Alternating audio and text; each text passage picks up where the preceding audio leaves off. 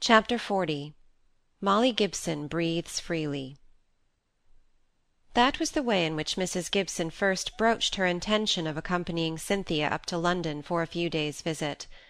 She had a trick of producing the first sketch of any new plan before an outsider to the family circle, so that the first emotions of others, if they disapproved of her projects, had to be repressed until the idea had become familiar to them.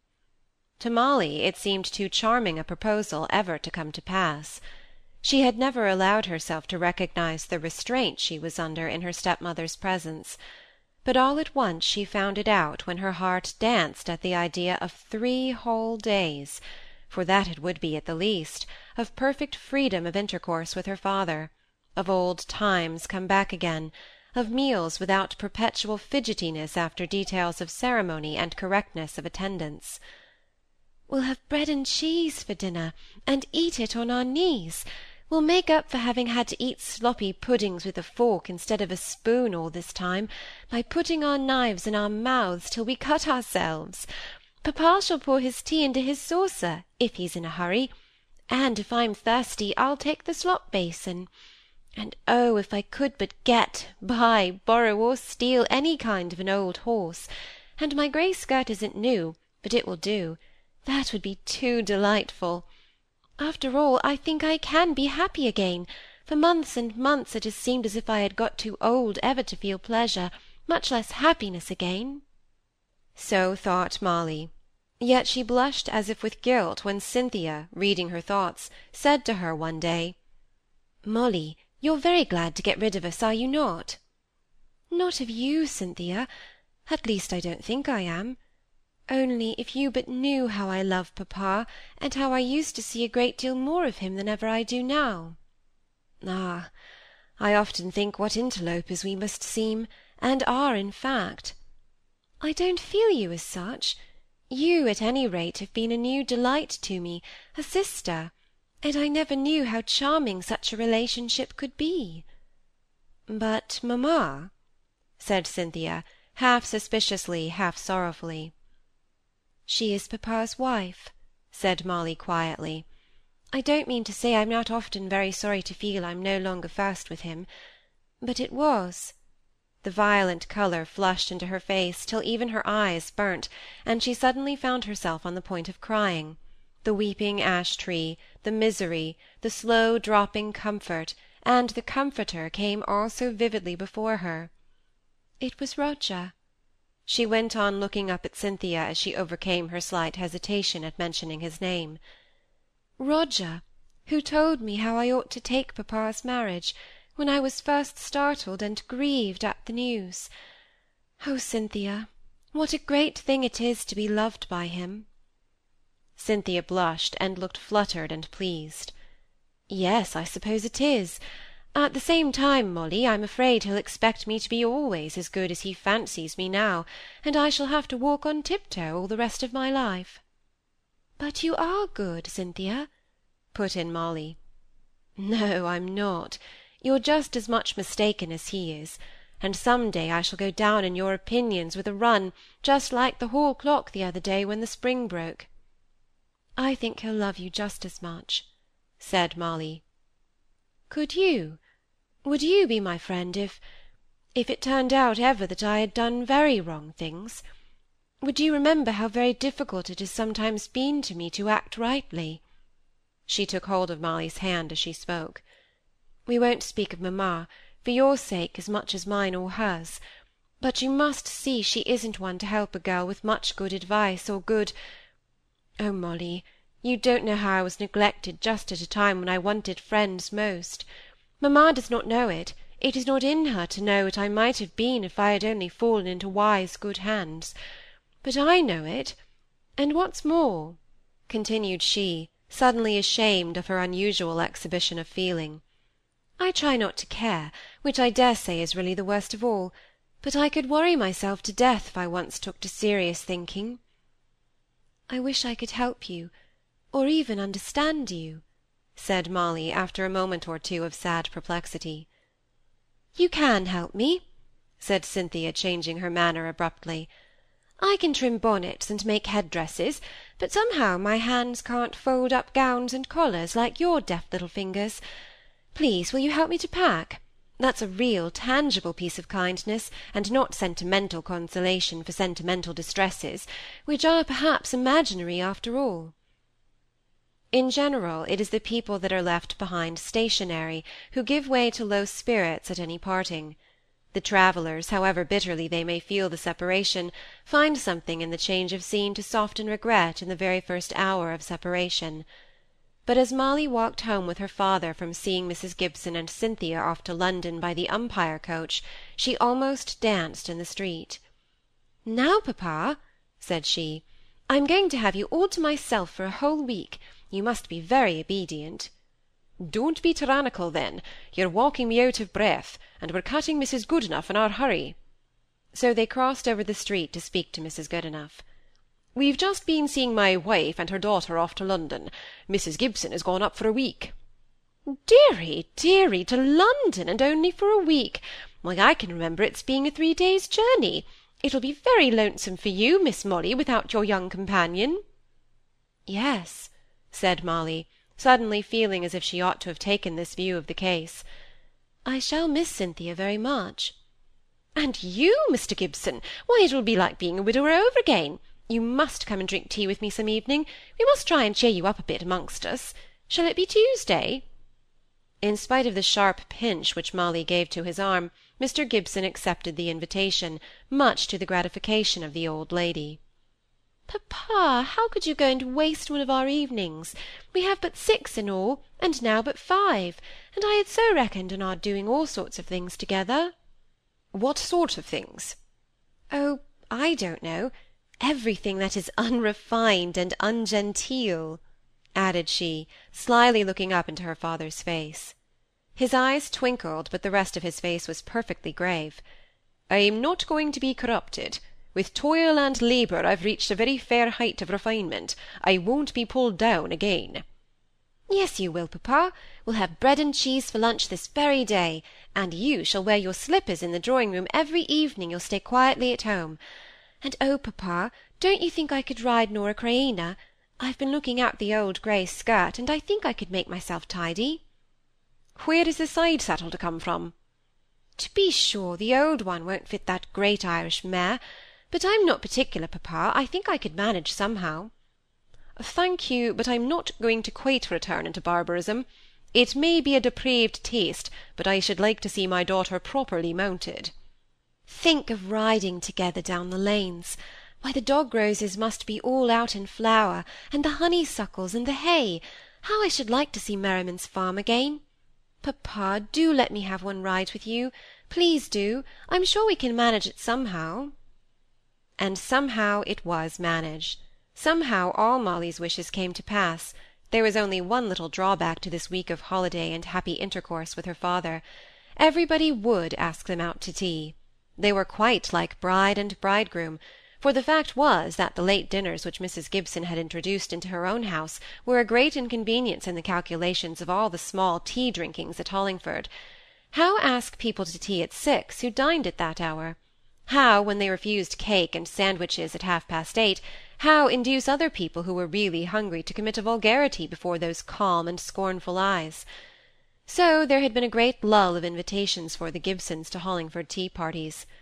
Mrs. Gibson, whose object was to squeeze herself into county society, had taken this being left out of the smaller festivities with great equanimity, but Molly missed the kind homeliness of the parties to which she had gone from time to time as long as she could remember, and though, as each three-cornered note was brought in, she grumbled a little over the loss of another charming evening with her father, she really was glad to go again in the old way among old friends. Miss Browning and Miss Phoebe were especially compassionate towards her in her loneliness. If they had had their will, she would have dined there every day, and she had to call upon them very frequently in order to prevent their being hurt at her declining the dinners. Mrs. Gibson wrote twice during her week's absence to her husband. That piece of news was quite satisfactory to the Miss Brownings, who had of late held themselves a great deal aloof from a house where they chose to suppose that their presence was not wanted. In their winter evenings they had often talked over Mr. Gibson's household, and having little besides conjecture to go upon, they found the subject interminable, as they could vary the possibilities every day. One of their wonders was how Mr. and Mrs. Gibson really got on together; another was whether Mrs. Gibson was extravagant or not.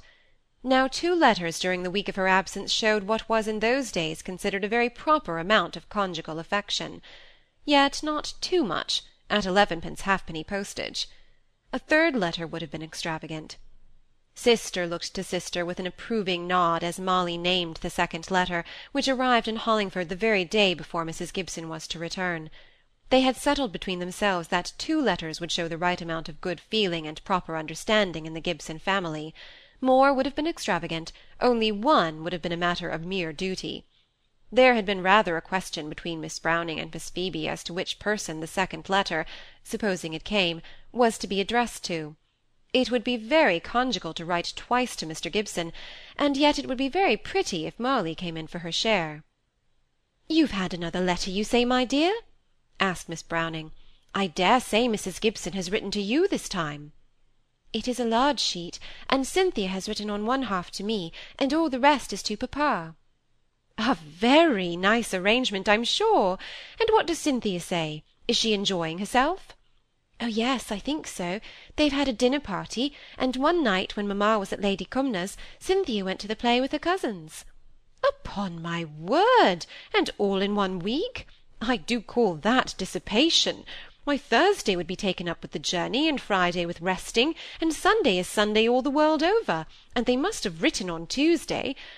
Well, I hope Cynthia won't find Hollingford dull, that's all, when she comes back." "I don't think it's likely," said Miss Phoebe, with a little simper and a knowing look, which sat oddly on her kindly innocent face. "You see a great deal of Mr. Preston, don't you, Molly?" "Mr. Preston?" said Molly, flushing up with surprise. "No, not much. He's been at Ashcombe all winter, you know. He has but just come back to settle here. What should make you think so?" "Oh, a little bird told us," said Miss Browning. Molly knew that little bird from her childhood, and had always hated it and longed to wring its neck. Why could not people speak out and say that they did not mean to give up the name of their informant? but it was a very favourite form of fiction with the Miss Brownings, and to Miss Phoebe it was the very acme of wit. The little bird was flying about one day in Heath Lane, and it saw Mr. Preston and a young lady, we won't say who, walking together in a very friendly manner, that is to say, he was on horseback, but the path is raised above the road, just where there is a little wooden bridge over the brook. Perhaps Molly is in on the secret, and we ought not to ask her about it, said Miss Phoebe, seeing Molly's extreme discomfiture and annoyance. "It can be no great secret," said Miss Browning, dropping the little bird formula, and assuming an air of dignified reproval at Miss Phoebe's interruption. "For Miss Hornblower says Mr. Preston owns to being engaged. At any rate it isn't to Cynthia, that I know positively," said Molly with some vehemence. "And pray put a stop to such reports. You don't know what mischief they may do. I do so hate that kind of chatter." It was not very respectful of Molly to speak in this way, to be sure, but she thought only of Roger, and the distress any such reports might cause, should he hear of them, in the centre of Africa, made her colour up scarlet with vexation. "Highty tighty! Miss Molly! Don't you remember that I am old enough to be your mother, and that it is not pretty behaviour to speak so to us, to me? Chatter, to be sure! Really, Molly!" "I beg your pardon said Molly, only half penitent. "I dare say you did not mean to speak so to sister," said Miss Phoebe, trying to make peace. Molly did not answer all at once. She wanted to explain how much mischief might be done by such reports. "But don't you see," she went on, still flushed by vexation, "how bad it is to talk of such things in such a way? Supposing one of them cared for some one else, and that might happen, you know. Mr. Preston, for instance, may be engaged to some one else." Molly, I pity the woman, indeed I do. I have a very poor opinion of Mr. Preston," said Miss Browning, in a warning tone of voice, for a new idea had come into her head. "Well, but the woman or young lady would not like to hear such reports about Mr. Preston." "Perhaps not. But for all that, take my word for it, he's a great flirt, and young ladies had better not have much to do with him." "I dare say it was all an accident, their meeting in Heath Lane," said Miss Phoebe. "I know nothing about it," said Molly. and I dare say I have been impertinent, only please don't talk about it any more. I have my reasons for asking you. She got up, for by the striking of the church clock she had just found out it was later than she had thought, and she knew that her father would be at home by this time. She bent down and kissed Miss Browning's grave and passive face. "How you are growing, Molly!" said Miss Phoebe, anxious to cover over her sister's displeasure. "As tall and as straight as a poplar tree, as the old song says." "Grow in grace, Molly, as well as in good looks," said Miss Browning watching her out of the room. As soon as she was fairly gone, Miss Browning got up and shut the door securely, then sitting down near her sister, she said in a low voice, "Phoebe, it was Molly herself that was with Mr. Preston in Heath Lane that day, when Mrs. Goodenough saw them together." "Gracious goodness me!" exclaimed Miss Phoebe, receiving it at once as gospel. "How do you know?" "By putting two and two together. Didn't you notice how red Molly went, and then pale? and how she said she knew for a fact that Mr. Preston and Cynthia Kirkpatrick were not engaged. Perhaps not engaged, but Mrs. Goodenough saw them loitering together, all by their own two selves. Mrs. Goodenough only crossed Heath Lane at the Shire Oak as she was riding in her phaeton, said Miss Browning sententiously.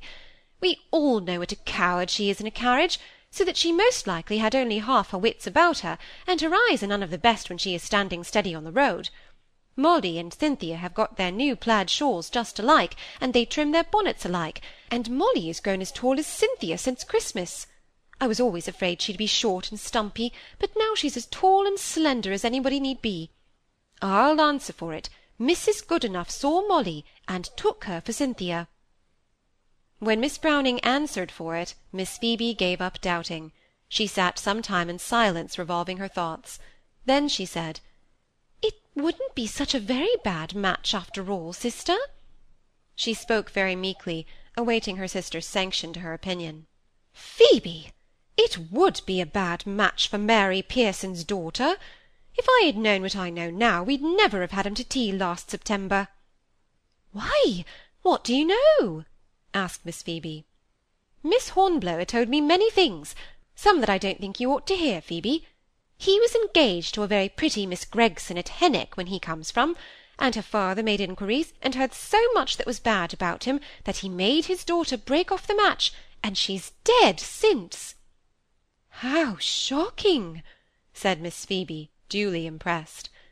Besides, he plays at billiards, and he bets at races, and some people say he keeps race-horses. But isn't it strange that the Earl keeps him on as his agent? No, perhaps not. He's very clever about land, and very sharp in all law affairs, and my lord isn't bound to take notice, if indeed he knows, of the manner in which Mr. Preston talks when he has had too much wine. Taken too much wine! Oh, sister, is he a drunkard? And we have had him to tea. I didn't say he was a drunkard, Phoebe, said Miss Browning pettishly. A man may take too much wine occasionally without being a drunkard. Don't let me hear you using such coarse words, Phoebe. Miss Phoebe was silent for a time after this rebuke. Presently she said, I do hope it wasn't Molly Gibson. You may hope as much as you like, but I'm pretty sure it was. However, we'd better say nothing about it to Mrs. Goodenough. She has got Cynthia into her head, and there let her rest. Time enough to set reports afloat about Molly when we know there's some truth in them. Mr. Preston might do for Cynthia, who's been brought up in France, though she has such pretty manners, but it may not have made her particular. He must not, and he shall not have Molly, if I go into the church and forbid the banns myself. But I'm afraid, I'm afraid there's something between her and him. We must keep on the look-out, Phoebe. I'll be her guardian angel in spite of herself.